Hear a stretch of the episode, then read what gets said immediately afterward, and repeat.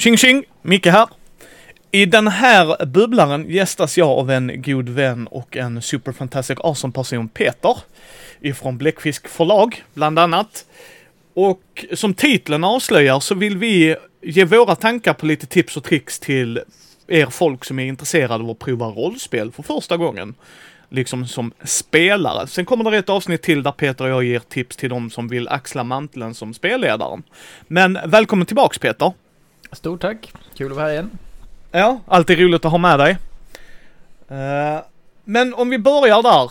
Jag brukar ju yrka på att rollspel är ju lite annorlunda än brädspel som vi pratar om i podden också ju. På grund utav att det är lite mer en social, alltså en mer socialiserande speltyp för att det är mer personkemi i det skulle jag vilja säga.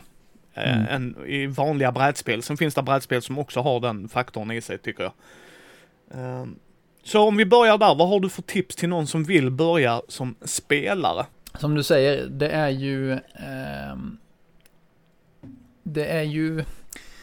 Eller rättare sagt så här. Spelgruppen spelar ju väldigt stor roll i rollspel. Jag tror att man kan spela brädspel eh, och ha ganska kul med ett spel lite grann oavsett vem man spelar med för att man interagerar med varandra på ett lite annat sätt. Men sen rollspel har ju den här improvisationsaspekten, det är ett lagarbete. Jag menar, ifall du ska börja spela fotboll så kommer inte det vara sådär superenkelt med folk som du inte har spelat med innan. För att alla spelar lite olika och det tar liksom ett tag att bygga upp en gruppdynamik där man hittar varandra och gör bra passningar och eh, hela den biten. Och jag tycker att det är lite samma sak som gäller för rollspel. Ja, jag tyckte det var en bra liknelse Peter. Ja, jag håller med dig där. Det är en, eh, det är, det är en lagsport, kan man ju säga.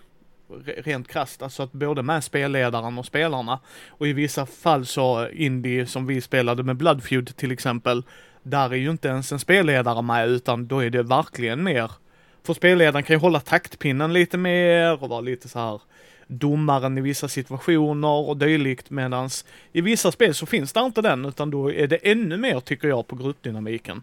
Mm. Liksom. Jo, jag håller med. Sen så om man ska gå till, eh, till rena tips då kring vad man, eh, hur man tar, tar sig an den här hobbyn Eh, så, så är det, det är supersvårt att ge för att det beror så himla mycket på vilken eh, ingång du har. Vad är det du har spelat innan? Om du, om du kommer från brädspelshållet så tror jag att det är ganska bra att börja med ja men Dungeons and Dragons och så vidare. Spel där du eh, ja men som liknar brädspel lite mer, som har de här elementen med, med poäng och tärningslag och så. Ja, och sen har du ju en faktor i att i, i ett brädspel så har du ju oftast ett bräde, det är ju också visuellt på något annat sätt. Liksom att... Ja, och sen har du ra, ett ramverk på ett annat sätt också. Eh, liksom om, om du och jag spelar eh, Terraforming Mars, nu tar jag det som exempel. Då har vi ramverket att vi, det är kortdrivet, vi ska göra de här grejerna på spelbrädet. Det är rätt uppenbart när spelet tar slut, alltså de här faktorerna ska uppfyllas och så. I ett rollspel så är det inte alltid så. I vissa spel är det ju så, framförallt om vi tittar på indie-sidan. Mm. Då kan det definitivt vara så att efter vi haft två scener var, som i Bloodfeud, då, då, då händer det här, eller som i Fiasko liksom sådär. Medans i, när du spelar kanske Dungeons and Dragons som jag tror många kommer in i, där är det ju vad gruppen bestämmer liksom när breaket ska vara och liksom när, när folk känner att nu har vi spelat tillräckligt länge och så ju.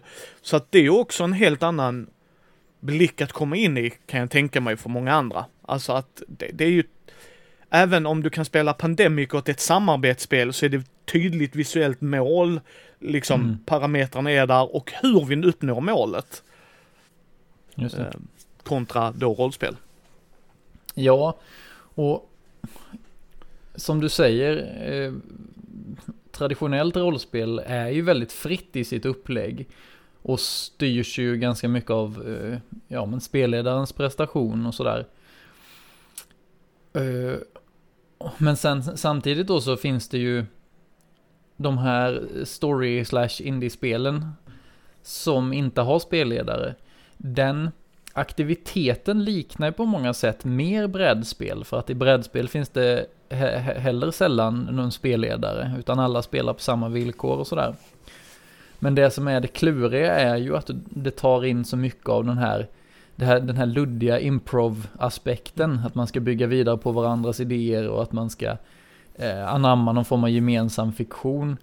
Som är, det, alltså det, det är en väldigt komplex aktivitet om man jämför med brädspel, för det behövs inte det, utan allting är konkret och tydligt på planen. Det som inte finns på planen, eh, det, det finns liksom inte. Men i rollspel så är, finns det ju supermycket utanför planen eller det man kan titta på. I Blood Feud till exempel, eh, man ser karaktärerna, man ser kartan, man ser markörerna. Men det finns en himla massa att ta hänsyn till i fiktionen som vi gemensamt har skapat vid, vid spelbordet. Nej men precis, precis. Och jag tänkte så här, om vi börjar jag tänker vi, vi går inte indie-hållet. Jag skulle faktiskt vilja göra en bubblare till med där jag kommer på då, någon gång längre fram där vi faktiskt eh, pratar om hur vi kan gå in via indie-hållet. Om vi vill börja med indiespel, vad ska vi tänka på och så. Mm. Så det, där, ni kommer höra Peter fler gånger kan jag säga gott folk.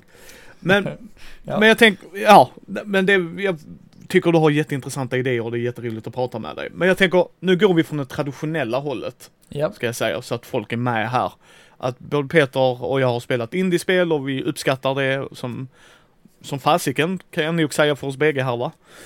Uh, men jag tror många börjar i traditionella skolan och vad vi menar med traditionella skolan det är att man har en spelledare och man har sina spelare och man sätter sig vid bordet och kör antingen ett hemmagjort äventyr eller ett skrivet äventyr och sen så har man jättekul med det.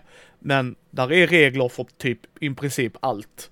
För det är tyvärr så många tradspel gör. Att ni ska kunna göra allt. Allt, allt, allt hela tiden. Eh. Men jag tycker att det är en bra, det, det är nog en bra distink, distinktion hur som helst eh, att säga. För att jag tror som sagt att det är väldigt olika ingångar. Eh, men om man ska, börja med tradspel så, jag ska ju börja med att eh, lägga in eh, brasklappen att jag, jag har egentligen inte spelat jättemånga olika typer av tradspel. Jag har spelat ganska mycket traditionellt rollspel, men jag har inte provat på så många olika system. Eh, och jag tror att, ja, det, det, det, här kanske bara är min åsikt, men jag tror att många upplever att systemen skiljer sig inte så mycket åt när man spelar tradspel för att det centrala för aktiviteten är på något sätt det här som spelledaren har, mm, alltså dynamiken mellan spelare och spelledare. Eh, det är ju det är många som som säger att ja men spelsystemet spelar inte så stor roll ändå för jag, jag använder, jag husreglar ändå det som jag inte gillar och så vidare. Ja.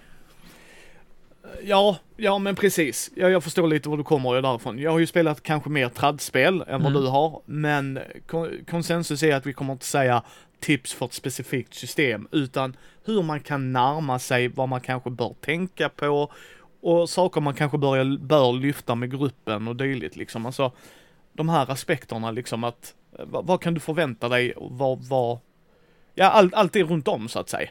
Mm. Ja. Eh, så jag tänker mig att vi, någonting som, som spelar väldigt stor roll för eh, den här typen av aktivitet är ju vilka förväntningar man har på aktiviteten och vilka förväntningar man har på själva eh, Eh, förväntningar man har på fiktionen. För jag upplever ofta att ifall det är en setting som man inte är så bekväm med eller som man inte har läst eller sett så mycket eh, tv och film och böcker och, sådär innan. Så är det mycket svårare att spela i en sån setting. För det förväntas, alltså mycket tradspel, det, bygger på att du ska förväntas kunna olika saker om de här. Alltså ju närmare du som person eh, är din rollkaraktär, desto lättare är det på något sätt att sätta sig in i dens perspektiv. Men är det så att jag, i mitt fall så är det alltså sci-fi och cyberpunk och hela den här biten som jag nästan inte har läst någon fiktion om alls sen tidigare. Eh, och när jag ska sätta mig och spela de spelen så är det en enorm tröskel att bara, eh, ja men vad är det jag ser, varför, vad kan, vad, eh, någon annan spelare bara, ja men jag, Eh, använder något sånt här implantat för att och, eh, koppla upp mig mot något nätverk och så bara, jaha, okej. Okay. Ska jag veta om att de här grejerna finns eller hittar du bara på det nu eller funkar det? Ja.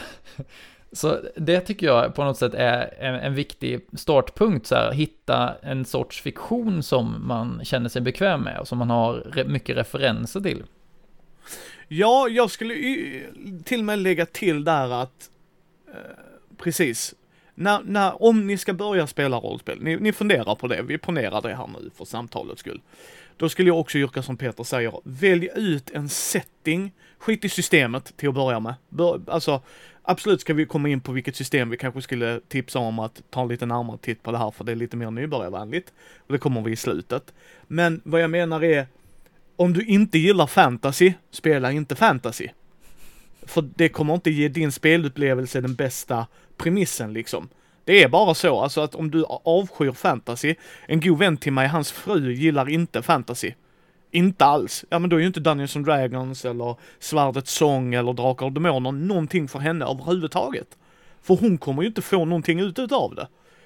Alltså, så, så är det va. Så jag skulle mm. också säga börja med en setting ni känner er bekväma med. Liksom för att, för Peter har rätt, mycket i tradspel så är det en förväntning att du ska, om vi ska spela cyberpunkspel så ska du ha åtminstone inte läst allt, men du ska förstå premissen, du ska förstå genren. Att om vi spelar ett noir-spel så ska du förstå vad noir är. Och det är inte spelets fel för jag förstår att de får ju utgå från den premissen. När de gör den produkten så har de ju oftast antagligen älskat noir, eh, i det här exemplet då. Och då vill de ju förmedla det och kan inte du noir så kommer det ju falla platt för du förstår inte vad, vad de vill göra med den genren. Så jag hade också som eh, Peter sagt, välj en genre eller en setting som ni lutar er mot till att börja med. Sen kan man ju alltid ut, eh, efter det gå till andra genrer och utmana sig själv och så. Men som första tips, ta en titt på genren ni vill spela i. Ja, och så, eh, ja, och, och det där kan man ju bara säga lite snabbt att indiespel är ju mycket bättre på att förmedla genre genom spelmekaniken eh, än vad tradspel är. Eh, alltså många indiespel, där behöver du inte läsa in dig på settingen överhuvudtaget, utan man bygger settingen tillsammans. Och sen så kommer ofta spelmekanikerna skapa saker som är, som är eh, lämpliga i den genren. Alltså, eh, Cyberpunk till exempel har jag förstått det som att det ofta handlar om att man är någon form av underdogs som, som ska eh, liksom sätta sig upp med no mot någonting större. Eh, och just den dynamiken där, i tradspel så är det helt upp till, eh, till spelarna och spelledaren att skapa den mekaniken, eh, eller den dynamiken eh, i spelet. Medan många då indiespel snarare skapar en mekanik som är helt och hållet för att skapa den mekaniken. Det ska kännas som att man kämpar mot, eh, mot någonting som är över en och, och sådär.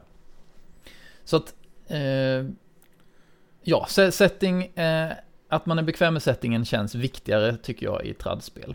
Ja, det håller jag med dig om. Ja. Um, sen tänker jag mig att eh, nästan, det nästa man ska fundera på som spelare, det är på något sätt vad man vill ha ut av det. Eh, många gånger när man börjar med rollspel så tror jag att man, inte, man är mest nyfiken på att se vad aktiviteten är för någonting. Eh, så att det kan nog vara svårt att säga vad man är ute efter redan från början. Utan man får spela lite grann och, och prova sig fram för att se vad det är som man tycker är kul och inte. Men det kan ju hur som helst vara bra att ha i bakhuvudet att det finns många olika sätt att spela tradspel på också. Och det är också på något sätt ett av, ett av tradspelens starka och svaga sidor samtidigt att, mm, som du sa i början, man kan ju göra allt. Men spelet hjälper dig inte att göra allt. Um, oftast så hjälper Nej. spelet dig att uh, utföra strid. Uh, och oftast finns det lite färdigheter och sådär. Men Eh, särskilt liksom de här sociala eh, intrigerna och sådär som man skulle kunna ha. Det är sånt som är eh, som ofta lämnas helt upp till rollspelandet och då blir det nästan fri form.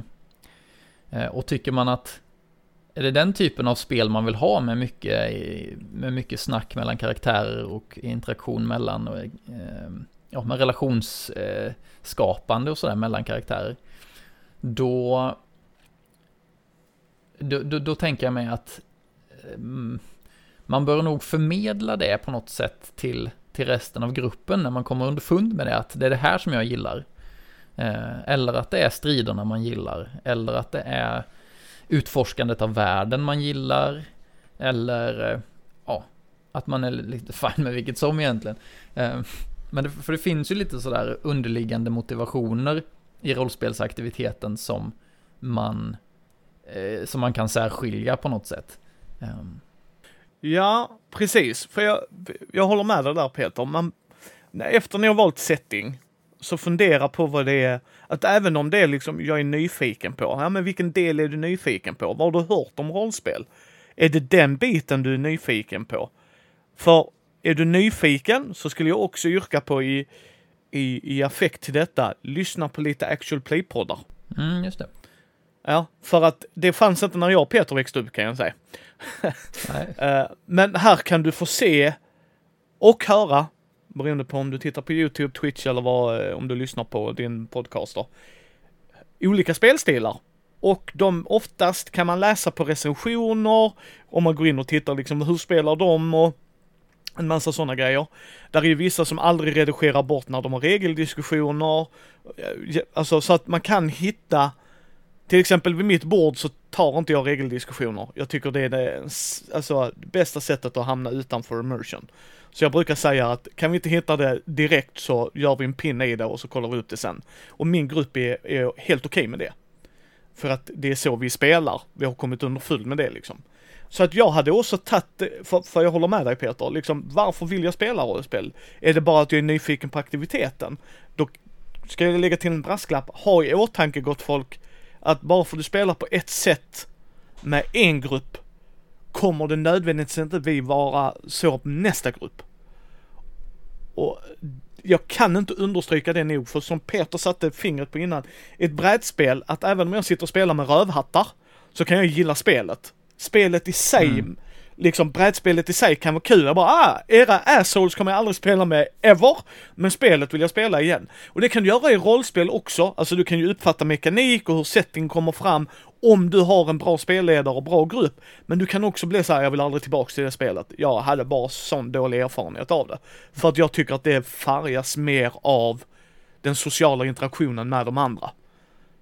Det är ju att du spelar spelet helt och hållet genom konversationen, genom samtalet som så ha, ha, får man inte till ett bra samtal och ett bra flyt i, i det, då eh, är ju det på något sätt hela aktiviteten. Det är svårt att säga att jag gillade ett spel där man inte fick samtalet att fungera riktigt. Eh, för det är oftast det, känner man att samtalet är kul och att det handlar om det, de sakerna som man själv är intresserad av att prata om, eh, då, då kan man ju fastna för vilket spel som helst. Ehm, och det som, det som på något sätt är det fina i kråksången är att spelledaren i, i ganska stor utsträckning kan påverka vad man pratar om. Alltså tycker spelledaren själv inte att det är så jävla kul med strid eller med liksom inventory management eller vad nu, nu är, så frågar man helt enkelt mindre om vad de har för utrustning, man lägger mindre fokus på det. Och istället så fokuserar man på eh, det som man själv tycker är intressant. Och så kommer ju alla spelarna att göra. Så att oftast så tycker jag att när, när ett rollspel, särskilt då tradd, fallerar för mig, då är det att vi har, de andra har pratat om saker som jag inte har känt ett behov av att prata om. Jag tycker inte att det är så jävla intressant att höra vad de har för utrustning och hur många, hur många HP de har och så, så, sådär och liksom räkna bort hur många... Eh, för, för det tycker jag ändå att, nu, nu är ju förvisso många actual play-poddar klippta och så, men om man ja. lyssnar på samtalet som sker vid spelbordet så, så då tror jag att det är ganska bra, ett bra sätt att se ifall det är någonting man är intresserad av. För jag tycker, vill man ha de här diskussionerna kring hur långt ifrån som man står en fiende eller hur långt, eh, vad man har för förmågor och sådär. Eh, då, då bör man ju spela ett sånt spel som handlar om det, som har mycket förmågor och så. Och med en spelgrupp då som också tycker att det är intressant. Ja men precis, jag håller med dig. För att, för i, Peter och jag kan ju säga, kanske inte spelar på det sättet ni gör, men då ska man också komma ihåg att eh, Peter och jag inte tycker att ni är fel typer av människor utan det är bara att vi har olika spelstilar. Det är bara det det innefattar. Att jag ser inte ner på någon som vill rulla tärningar och hamna i strid. Gillar du det, då ska du spela på det sättet. Jag kan säga att jag zonar ut. Alltså jag, jag tycker det är så tråkigt när strider tar ut på tiden och sådana grejer och jag måste veta var jag står exakt för står jag två millimeter fel, alltså det är liksom, då, då kan, tror jag Peter hade kunnat se mina ögon bara skjut mig Peter. Alltså verkligen bara ta fram en pistol och skjut mig. Alltså för det här är så tråkigt. Men det är ju min grej. Alltså att det är ju inte vad jag vill ha ut utav spelandet och nu ska man komma ihåg jag har spelat rollspel i 15, vad är det, 17 år eller något sånt. Alltså, jag har ju en annan ingång i det. Jag har ju provat mina grejer, jag har, du vet, jag har hittat mig själv. Så att det kanske du inte kommer göra direkt och då får man ju ta det i affekt va. Jag vill också lägga in ett tips här att prata med gruppen du ska joina. Om ni, om ni är helt nya, det är ju det egentligen det bästa scenariot skulle jag tro. Eh, om du inte har goda vänner du litar på och kan hoppa in. Men ha ett kommunika alltså kommunicera är alltid A och O. Alltså, om du upplever en grej inte funkar, att det blir för tråkigt med de här grejerna.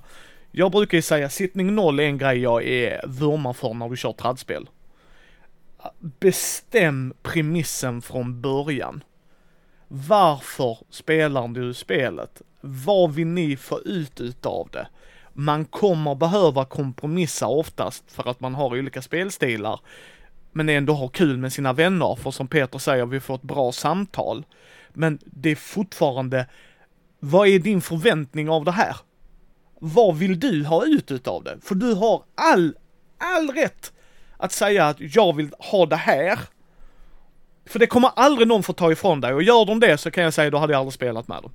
För ska du enbart spela på det sättet de vill spela, det kan de säga. Men att du inte får uttrycka dig, då, då, då kan de fara åt helvete. Alltså jag, jag har ingen pardon. För kommunicera, varför vill ni spela på det sättet ni vill göra? Om ni spelar i fantasy, vill ni ha dark and gritty fantasy? Vill ni ha high fantasy? Vill ni vara true to Dungeons and Dragons för de som älskar den världen, liksom Forgotten Realms? Alltså, alla sådana små grejer, för jag kan säga, har ni inte pratat om det innan, och det är helt okej att man inte kommer på alla frågor nu, men att man tar upp det efter varje spelmöte, liksom, ah, nu var det här en grej. Jag tyckte inte det var roligt när Peter skulle gå detalj, de, ge mig detaljbeskrivning på vad han hade i sin bag of holding. För det tog 45 minuter och det var rätt tråkigt. Om inte ni tar upp de grejerna så har jag märkt att det blir osämja i saker som, som Peter sa, för att han vill ju berätta vad han har i sin bag of holding. Nu är inte Peter sån tror jag. Men alltså, du, du, gör ju det du tycker är kul och så säger ingen till dig att du, jag tyckte det var rätt tråkigt så hur ska Peter då kunna ändra sig? Eller kompromissa? Eller, för det är ett givande och tagande. Det är ju som vilken liksom. annan relation som helst egentligen. Alltså det finns ju ingenting som är rätt och fel. Alltså har vi olika preferenser eh, och vi, vi menar att eh, en av oss har rätt och den andra har fel. Då Eh, det går ju liksom inte att spela på det sättet, utan man får på något sätt vara öppen för att eh, ifall inte alla har samma fokus och tycker att samma saker är roligt, då kommer vi ha lite kul på varandras bekostnad. Alltså så här, när jag har kul så kommer de andra ha tråkigt och sen när de har kul då kommer jag ha tråkigt. Och nu är det ju, realiteten är ju sån att många inte har sådär supermånga spelare att välja på, utan man har sin grupp som man vet spelar DND och man är bara jävligt glad för att det finns andra som har samma hobby. Men i och med den här stora diskrepansen som finns eh, i hobbyn, alltså det, eller inte diskrepans, men det finns en stor variation av eh, intressen man kan ha inom detta spektrat. Och eh, det gör ju på något sätt att även Alltså, man kan säga att jag, jag nöjer mig med att ha kul lite då och då under spelmötet, det är tillräckligt bra för mig. Eller så försöker man hitta en annan spelgrupp, man kommer fram till att det är bättre att vi ni verkar tycka att samma sak är kul, jag verkar inte tycka det. Så söker man sig någon annanstans för att jag tror att man potentiellt kan få, alltså det, rollspel tar mycket tid. Eh, ja. har, man, har man kul en timme av tre, då är det liksom två, tre timmar som är kastade i, i sjön.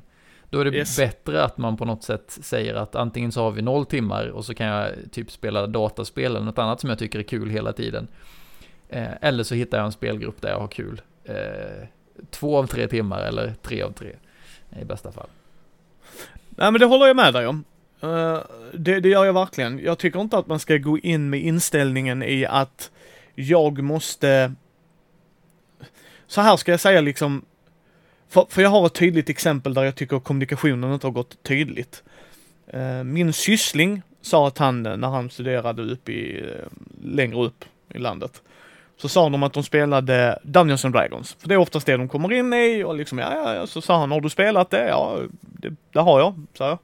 Ja, jag spelar Druid och han spelar i femte editionen. Ja, okej, okay, fasiken var kul. Det var det jag spelade i Curse of Strahd, så pratade vi lite. Ja, så sa han, sen nerfar min spelledare mig. Så jag, vad menar du med nerfar liksom? Jag förstår ju begreppet, men ja, jag får ju inte använda min fulla förmåga för han tycker att jag ska slå ett slag, för då har han sån shapeshift, alltså att han mm. kan bli ett djur och det. Och då tyckte spelledaren att det var för mäktigt och direkt så stoppade han. Kör ni raw? Vad menar du? Rules as written. Ja, då hade jag yrkat på det. Om han nerfar dig och ni kör raw, hade jag aldrig accepterat det. Att han bara gör så, sa jag. Jag hade tagit snacket direkt. För kör vi raw, så är detta raw. Och vill han, tycker han att det är för mäktigt, att det är för OP, absolut.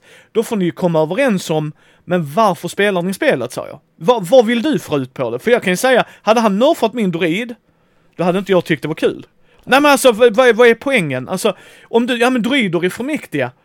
Det är ju vad du får ta när du sitter som spelledare. Då får du väl antagligen hitta på tricks och knep och andra saker. Eller så får du säga tydligt från början. Det funkar inte i min värld. Jag tycker det är för jobbigt att möta druider för jag respekterar spelledare som säger det också. Men inte att du kommer halfways in och så bara Peter, den, den tanken du har haft, den ska jag bara förstöra för dig. Och då kom det ju fram att de kanske inte hade kommunicerat med varandra. Jag säger inte att spelledaren är ett asshole här, missförstå mig rätt folk, utan det är bara att här är ett bevis på brist på kommunikation. Han sitter och blir frustrerad över att han inte får spela sin droid, vilket jag till fullo förstår. Alltså, han har ju en vision på hur han vill spela. En tanke, en fundering. Medan han får inte spela på det sättet. Medan spelledaren tycker att det blir jobbigt att när man har en från OP och då jag, jag kan säga, hade jag suttit ner med de kidsen så hade jag haft en massa andra samtal liksom. Varför spelar ni? Det är därför jag säger kommunikation är jätteviktigt. För sitter du bara för att du vill maximera din karaktär och fyra andra inte gör det, då kommer du tycka att det är jättejobbigt när de gör suboptimala val. Mm. Kan jag säga, jag pratar av ren erfarenhet här, att ja, man har blivit skälld på hur man kunde välja den suboptimala grejen. Jag spelar aldrig med den människan igen kan jag säga. Men liksom, det är det jag menar. Alltså att var tydliga med vad ni vill ha och var tydliga när ni inte vet vad ni vill ha. Att jag vet faktiskt inte vad jag förväntar mig. För det är mm. också okej okay att säga att vi kör, men prata, prata, prata, prata, prata, prata. Är vad jag vill yrka på. Helt klart, superviktigt. Eh, man kan också ha någon form av trygghetsverktyg för att eh, se till att, ja, alltså nu ska, nu ska jag säga att grupper som har lite halvtaskig kommunikation till att börja med, eh, och som är lite så här eh, inte vågar ta konflikter eller sådär. De, det, det, kan mycket väl vara så att eh, man inte använder trygghetsverktyget alls. Jag tror att det, det kommer med tiden, men jag tror ändå att, eh, att ha trygghetsverktyg eh, och prata om det i förväg, eh, säga att vi, om det nu är så någon gång att ni tycker att det här, den här aktiviteten vi pysslar med är tråkig för er, så bara eh, peka på krysskortet eller vad det nu är. Eh, eller om ni känner att man passerar någon gräns eller närmar sig någon gräns, bara visa det, för, för då förstår vi att ni menar allvar. För, och, och då, på något, då lyfter man ju upp den här eh, devisen att ens känslor är viktigare än aktiviteten. För det är ju någonting som jag tycker ofta går, eh, går förlorat i nya spelgrupper. Att man ser aktiviteten i sig som det heligaste. Det viktigaste ja. är att vi följer reglerna, att vi inte bryter emotionen, att vi eh, har den här jävligt eh, mäktiga grejen som händer. Och sen så är det någon som tycker att det känns jävligt olustigt med den här våldtäktsscenen eller vad det nu kan vara. Eh, vilket är fullt förståeligt. Nej men alltså rätt vad det är så händer det grejer och man, man kanske har erfarenheter själv av eh, man har, det kan ju vara liksom någon förälder som har gått bort eller någonting och sen så är det då någon, någonting i spelet som triggar det och, och bara att liksom tydligt att inte behöva säga mm, jag tyckte inte det var kul och så skrattar de andra. Och eh, så, så, så, de vet inte om vad man har för bagage liksom om, om man inte känner varandra.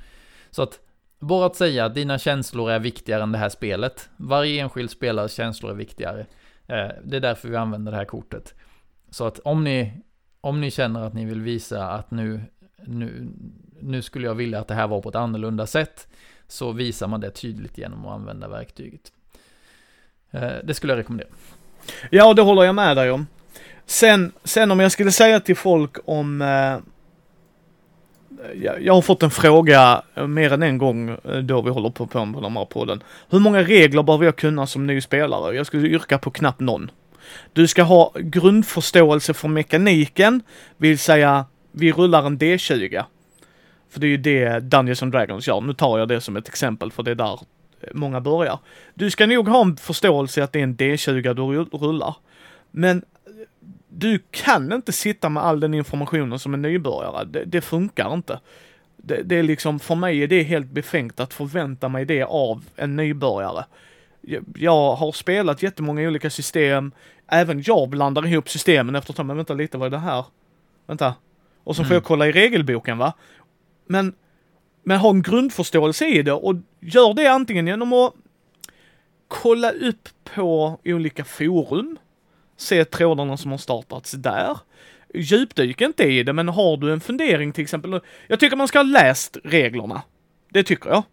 Men du ska inte känna att jag måste memorera allt. För har du läst en grej så brukar det poppa upp, har jag märkt hos nya spelare. Ja just det, var där det stod. Alltså, så.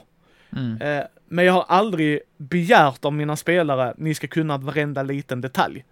För det, det kan inte jag som spelledare, så varför ska ni kunna det? Nej, det är ju lite olika beroende på vad man spelar för spel och sådär också. Men jag är ju helt av, eh, helt av åsikten att när man spelar tradspel så ska man kunna ta in helt nya spelare och förklara reglerna under tiden som man spelar. För annars så är det alldeles för hög tröskel att få in nya spelare. Och är det så att man bara har tre spelare i en grupp och man, eh, alltså man vill ju att hobbyn ska spridas, att fler ska börja spela. Och, och, genom att kräva att någon ska ha läst Players Handbook innan man kommer till första spelmötet det är ett jävligt tufft eh, liksom intagsprov. För att som du säger, frågan ställ, blir ju hur mycket ska jag kunna, hur mycket ska jag memorera? Eh, och, och, och, så att jag tycker att spelledaren, det kommer vi att prata om mer om sen eh, i nästa yes. segment, men att spelledaren ska kunna förklara för spelaren under tiden som man spelar vad det är som gäller. Sen finns det då de spelen som där det inte går. Alltså nu har jag spelat Dungeon World med eh, lite ungdomar. Eh, och det, där finns det ju så himla mycket eh, moves som varje karaktär har var för sig. Eller varje klass då. Eh, vilket gör att jag som spelledare kan omöjligt hålla koll på alla deras moves och se. Eh, utan det är de själva som får hålla koll på det. Men det är gjort tillgängligt istället genom att ha allting på respektive playbook. Ja, så att, så att allting som du behöver kunna står på karaktärsbladet. Så att där är det väldigt tydligt att det är de här två sidorna som du ska ha läst och du ska kunna kolla upp det snabbt. Eh, men du ska inte behöva kunna hitta rätt i Players Handbook under tiden som vi spelar. Nej, och, och med de spelen, eller vilka andra spel som helst, att det är alltid okej okay att fråga de andra spelarna och spelledaren jag, jag, även om jag har de här två sidorna, jag hänger inte med vilket är det bästa movet och då kan spelledaren säga ge mig dem och så tittar vi på det tillsammans. Hade jag gjort. Då kollar vi här, alltså då går vi igenom steg för steg. För att även om inte jag kan det utan till så har jag alltid hjälpt mina spelare att, ja men du, den specialförmågan säger du till din eh, druid här till exempel. Eh, ja, jag kan ju det kanske mer för att jag har spelat druid, men har jag aldrig spelat druid så säger jag bara, vi tar upp Players Handbook. Vi kollar tillsammans. Mm. Och så läser vi det högt. I de fallen tycker jag att stopp för regler är okej. Okay. Alltid okej okay att göra stopp för regler i det. Så att inte att jag säger vi tar en pin och tittar upp det sen. Utan nu, nu ska man komma ihåg, min varannan tisdagsgrupp, det är veteranare med här. Vi behöver inte grotta ner oss i de reglerna. Men är vi med nya spelare så säger vi stopp. Nu pratar vi igenom detta som grupp och hjälps åt. För att vi vill få in folk i hobbyn, då kan vi inte gatekeepa med, ja, har du inte läst den här 500 sidor? Och de andra så här, Cold Run och uh, Senators. Gate to Everything och inte kan memorera dem. Nej, nej, alltså det går. Alltså, man bara FU, jag gör inte ens det som spelledare. Fattar du hur många Ja. spel som jag inte har en aning om? Har du inte läst liksom. Liksom. Monster Manual, då, då kan du ju inte hjälpa oss när det kommer upp nya monster liksom. Eh, Nej, liksom och ja, det är mycket player skill också. Mm. ja.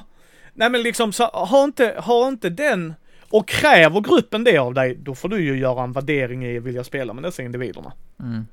Det är, det är ju för djupt. Jag hade inte gjort det. Det kan jag säga dig. För har man inte den förståelsen att folk är nya i hobbyn och vill komma in i en grej och får ha en högre förväntning på dem. Då, eh, då tycker jag inte, alltså det, för mig är inte det intressant. Det är min take on it.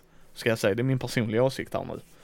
Um, men ja, så att det, var inte rädd för regler. Läs dock igenom det, för det tycker jag är ett, eh, ett tecken på respekt till spelledaren. Jag har haft spelare som aldrig har läst igenom det och då blir jag bara förbannad. Alltså, men vad fan, läs, alltså, läs inte hela boken, läs stycket som typ såhär, har någorlunda liksom förmåga att förstå vilken tärning som är viktig och de grejerna, sen resten kan vi hjälpas åt. Men jag har varit arg på spelare och skällt ut dem och liksom, nu får du faktiskt ta och ge dig. Vi, absolut att vi hjälps åt att lära ut spelet, men du har inte ens tittat i boken. Really? Alltså, någon, du måste ju förstå någonstans, alltså förstår du lite vad jag menar? Att där är en balansgång. Läs igenom vissa stycken och prata med spelledaren. Vilka stycken bör jag läsa? Och då kommer de väl säga, ja men läs det stycket där så du får någorlunda koll. Jag tycker att det är viktigt att spelaren visar en vilja att lära sig. För det, det är nog på något Mm. sätt det som jag känner är. Alltså det, det finns många anledningar till att man inte orkar ta sig igenom en hel bok. Eh, alltså jag, jag själv är inte någon som läser sådär jättemycket eller jättesnabbt. Eh, och för mig så, så tar det emot att läsa den här typen av böcker. Så att jag, jag spelar nästan aldrig spel där det förväntas att jag ska läsa någonting i, i förväg. Eh, om det inte är jag som leder aktiviteten. Men, men just den här viljan i alla fall, att om man ger sig in i Dungeons and Dragons, då får man ge sig in i det med ambitionen att faktiskt lära sig. För att det är inte bara upp till spelledaren att hålla koll på vad du, din karaktär kan. Eh, utan det, det ska du i slutändan kunna, kunna själv. Ja, nej men det är det jag menar. Det var, tack Peter, du satte mer ord på det. Att det. Det är viljan. Sen kan man alltid prata med dem och ha samma inställning som dig. Att jag har jättesvårt att läsa jättemycket text. Vad kan jag fokusera på? Då kan ju spelledaren säga sidan eh, 30 till 40 är det egentligen du behöver bara läsa. Läs igenom det. Plugga inte det, bara läs igenom det. För att då kommer ju hjärnan och så rullar man, ja just det, det var därför vi rullade en tärning. Precis, då har vi grunden och då har du visat ett engagemang. Sen får jag frågan, eh, och jag kommer att prata det med din eh, förlagskollega i ett eget avsnitt, så här backstories. Kommer Mm, vi göra ett, liksom, liksom ett avsnitt om, jag och Kristoffer. Men, men jag tycker också det att det är samma sak där, att man får höra, framförallt varför jag tar upp Dungeons and Dragons, för det är där jag möter många nya lyssnare och så här, jag vill spela D&D och så här, backstories och allt det där. Och då kommer jag fortfarande ner till kritan. Det handlar om vilken typ av spelledare du har till att börja med. Och spelgrupp. Vissa spelgrupper har tre rader som background. Jag hatar orker för de dödar mina föräldrar. Så. Och, och det är helt okej för dem.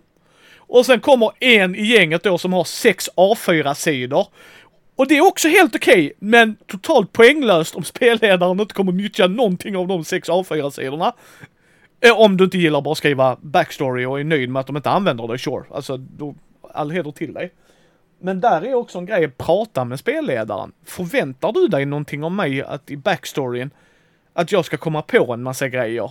Och känner man att det är jobbigt, tycker jag man ska prata med spelledaren att jag behöver de stöttningarna och hjälpen. För att jag har ingen aning om vad jag kan förvänta mig i de här rollspelen. Alltså, vad förväntas? Måste jag ha en familjeträd? Måste jag ha de här grejerna? Och i vissa spelgrupper kan background stories eller bakgrundshistoria vara jätteviktigt, som sagt, medan i andra nothing. Och i vissa är det en bra komplott av det. Alltså, vissa är jag dödar orker för jag hatar orker och så. Och så nästa, Peter och jag kanske hade fleshat ut vår backstory. Och sista killen är skitnöjd med det liksom. Ja, ja, jag dödar orker för jag hatar orker. Så kör ni, you you do you. Så att, vad vill man få ut av den aspekten också, tycker jag kan vara en bra grej att prata med sin spelledare och spelgrupp. Mm. Jag tycker ju att man ska... Alltså spelar man med nya karaktär eller med nya spelare så ska man inte be dem att skriva en backstory innan. Alltså då har man session zero. Och så, så skapar man karaktärerna tillsammans. Yes. Och min erfarenhet ifrån eh, indiespel är ju att ju mer man spel, alltså ju mer man eh, inte planerar någonting i förväg utan skapar det tillsammans, desto mer enhetlig blir gruppen. Yes. Desto lättare är det sen att få den till att funka i längden och desto lättare är det för spelledaren att liksom plocka ut hooks som den skulle kunna använda för vi, i, i ett senare skede då. Men får spelledaren fyra stycken sexsidiga backstories eh, och den dessutom då har förberett någon form av kampanj som man har tänkt att spela. Jag kan lova att i, eh, i 99 fall av 100 så kommer det som står skrivet i backstoryn inte komma upp under kampanjens gång. Så att det Yes. helt liksom, det finns i ditt huvud, men det är ingen annan som får höra om det. Det kommer inte komma upp i berättelsen. Ehm, så att jag tror att ifall man vill satsa mycket på backstory och tycker att det är en intressant grej, då bör man också spela kanske ett mer improviserat eh, scenario där spelledaren inte har förberett eh, ett äventyr, utan att man kanske helt och hållet bara fokuserar på, på backstoryn för att se hur de grejerna kommer upp i, igen. Ja, jag skulle vilja lägga till en grej där. Eller prata med spelledaren. Om spelledaren, för du satte fingret på det där igen Peter, det är därför jag älskar att prata med dig. Om spelledaren, för, för, för du har rätt och vi kommer ta det i nä, eh, ett annat avsnitt då med själva spelledargrejen. Men om spelledaren säger, jag har en kampanj, då menas det som Peter säger oftast, inte alltid, det beror på, men jag tänker, och jag tror Peter tänker, ah, de har en förutfattad mening om vad de vill tänka sig hända. Inte att det är skriptat, men att i den här världen så fungerar det och så och så. I, i den här världen så är orkorna snälla, till exempel. Och så kommer du, jag hatar orkor. de är onda. Så bara, inte i min värld, så det sket ju sig. Men har de då inställningen, jag håller på att skriva en kampanj. Om vi gör sittning noll nu, så kanske jag kan väva in era grejer i min värld. För jag skulle fortfarande yrka på, under alla åren jag har spelat, att sitta på sin egen kammare och göra en karaktär. 90% av gångerna faller det platt. Och oftast för att, inte hela gruppen, men jag har en som är totalt ondskefull och motsatsen till det är jättegodfull. Alltså såhär jätte, såhär, jag gör allting för goda anledningar och sen kommer en egoistisk karaktär. Då kommer det bli intriger i gruppen som spiller över på spelarna. Att du motspelar ju mig hela tiden och allt det där. Men sitter man med alla vid bordet, alla har en grundidé innan man kommer till bordet, det är oftast inga problem. Men att då vi benar ut det. Jag hatar orker, i min värld är orker snälla. Jaha, okej. Vilken grupp kan jag då avsky i, eh, vilken, alltså annan form av eh, chaotic neutral om det är D&D vi spelar. Alltså hänger du med vad jag menar Peter? Att då, då kan vi bygga den världen tillsammans. Men har spelledaren redan byggt den, mm, då eh, spelar det ingen roll att ni har suttit och gjort sex A-sidor, kan jag säga precis som Peter sa. Så att det är också, det, vi kommer ju landa i kommunikation hela tiden va, men men, men det är som Peter säger, att man, har ni inte ett bra samtal vid sittning noll, sorry, det är nog en rätt bra spoiler alert att resten av era samtal inte kommer att fungera. Och återigen, jag vill trycka på det och jag tror Peter håller med mig. Det är fortfarande okej att tycka annorlunda. Det måste det få vara när ni sätter er vid bordet. Och får man antingen byta grupp eller kompromissa med varandra. Att, är ni okej med att min sex sidors backstory hamnar i kampanjen? Och då har jag mött spelare som, ja, ja, kör på. Alltså det gör väl ingenting, jag vill ju bara spela rollspel. Alltså jag vill få ut den här delen av det här samtalet. Sen om det råkar vara att vi ska rädda din familj eller inte, alltså för, för mina spelare har det inte spelat någon roll, medan då får ju den andra in det. Så det går ju att kompromissa. Ja, och sen är det ju, det är också ett problem som många som spelledare stöter på, som vi kommer att prata om mer sen, är liksom hur man får karaktärerna investerade i det som man själv har förberett då. Och att använda delar ur backstoryn för de olika karaktärerna för att skapa någon form av eh, urgency, att ta sig an äventyret, det är ju en ganska bra lösning. Um, men sen, jag tänkte innan vi, innan vi avrundar så kan det också vara bra att fundera på, eh, för, för eh, Nord-Nordost, deras podcast brukar prata om eh, pi, att ha pilarna utåt eller pilarna inåt när det kommer till, eh, till spelgruppen då, eller karaktärsgruppen.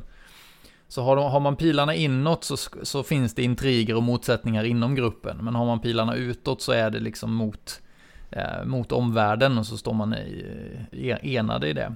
Och det är sånt som naturligtvis kan skifta över spelet gång. Eh, men man kan ändå vara medveten om att särskilt om eh, spelledaren har förberett en lång, lång kampanj då finns det stora fördelar med att ha pilarna utåt, att se till att det inte finns så mycket interna intriger, för att det är ett, eller det är ett recept för att eh, gruppen ska liksom fallera. Och istället börja fokusera på sina interna intriger istället för att ta sig an äventyret. Um, och det, det är ju också ett sätt att spela på förvisso, men jag tror att det riskerar att uppstå frustration hos spelledaren när man har förberett en himla massa och spelarna bara håller på och tjafsar eller startar en taverna och ska liksom skiter i det som man, man har gjort. Eh, så att det är inte heller en bra väg att gå. Så att det, det kan vara bra att prata om huruvida man har tänkt att det ska finnas interna intriger mellan karaktärerna eller inte. Sen, risker, sen så är det ju ganska stor risk att det uppstår ändå under tiden. Men inte i så stor utsträckning kanske. Uh, ja, men jag tänkte, jag ska nog ge tips mer till spelsystem till spelledare sen. För där är nog lite enklare. Men jag kan säga ett bra sätt att börja är genre. Kolla på vilka genrer ni vill spela som Peter sa i början. Det är, det är den liksom, vad är det, är det cyberpunk, är det Star Wars, är det vad det nu än må vara. Eh, för det kan vara en IP man är intresserad av. Uh, och sen börja där. Och sen ta det allt eftersom. Och kolla upp recensioner. Kolla upp forum. Alltså för vissa spel är mer regeltungt och är det daunting att hoppa in i, så ha lite åtanke i det. Man ska heller inte lyssna för mycket på vad folk skriver, för frågar man efter ett, eh, ett regellätt eh, fantasyspel som inte kommer i vägen. Så får man drakar. Nej, men, eh, någonting regellätt som inte kommer i vägen för berättandet är ju en sån här superfloskel som eh, har klistrats på alla handa rollspel under årens lopp. Eh, och det, många, de tipsar ju helt enkelt bara eh, om de spelen som de själva gillar. Eh, ja. Och, och, så att just den här frågan att, att slänga ut den på ett forum, vad, vad tycker ni är bästa spelet för att göra det här? Du kommer få skitmånga olika svar och många av dem kommer vara helt irrelevanta för vad du egentligen frågar efter. Så att eh, det, det, man får ta det med en nypa salt, de råden. Ja, men det tycker jag. Men samtidigt så kan jag ju säga att oftast myllar de ut sig själva. För att det kommer vara andra som vill inkludera folk i hobbyn som jag och Peter. Som kommer ifrågasätta deras val. Varför valde du eh, Ars Magica här? Ja ah, men jag gillar det jättemycket. Ja. Mm. Jag skulle yrka på att det är inte nybörjarvänligt fortfarande. då, då liksom hela den premissen. Ja men jag gillar det. Ja och jag ska inte förnimma din känsla här, men det är nog inte nybörjarvänligt. Så ta det med näve salt som allt annat. Men kolla upp lite. Där är ju att kolla upp. Alltså vissa recensenter, eh, framförallt kolla på YouTube. För vissa recensenter där tycker jag gör ett bra jobb att gå in i vad spelet i grunden handlar om. Och sen deras för och nackdelar. Jag försöker ju på min första intryck prata om om det är nybörjarvänligt eller inte. För att ur, ur min aspekt, sen är all, allting each to its own som vanligt. Eh, det är liksom inte svårare än så. Uh, men ta chansningen och prova. Jag tycker det. Rollspel är en givande hobby. Det är vad mina avslutande ord är, tänker jag mig.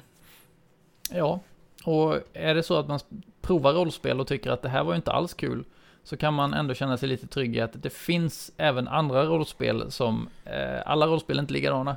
Så att det kan fortfarande finnas eh, varianter som du gillar, även fast din första erfarenhet inte var bra. Men ni hittar ju eh, Peter på sin, eh, ja, i Bläckfisk förlag är du med där och länkar kommer till era grejer som vanligt ju. Ni har ju ett stort och brett i olika spel ni gör. Uh, vilket är fantastiskt, som vanligt. Och eh, ni hittar ju oss på mindy.nu, Mindys bräd rollspelspodd på Facebook, Twitter, Instagram, Youtube.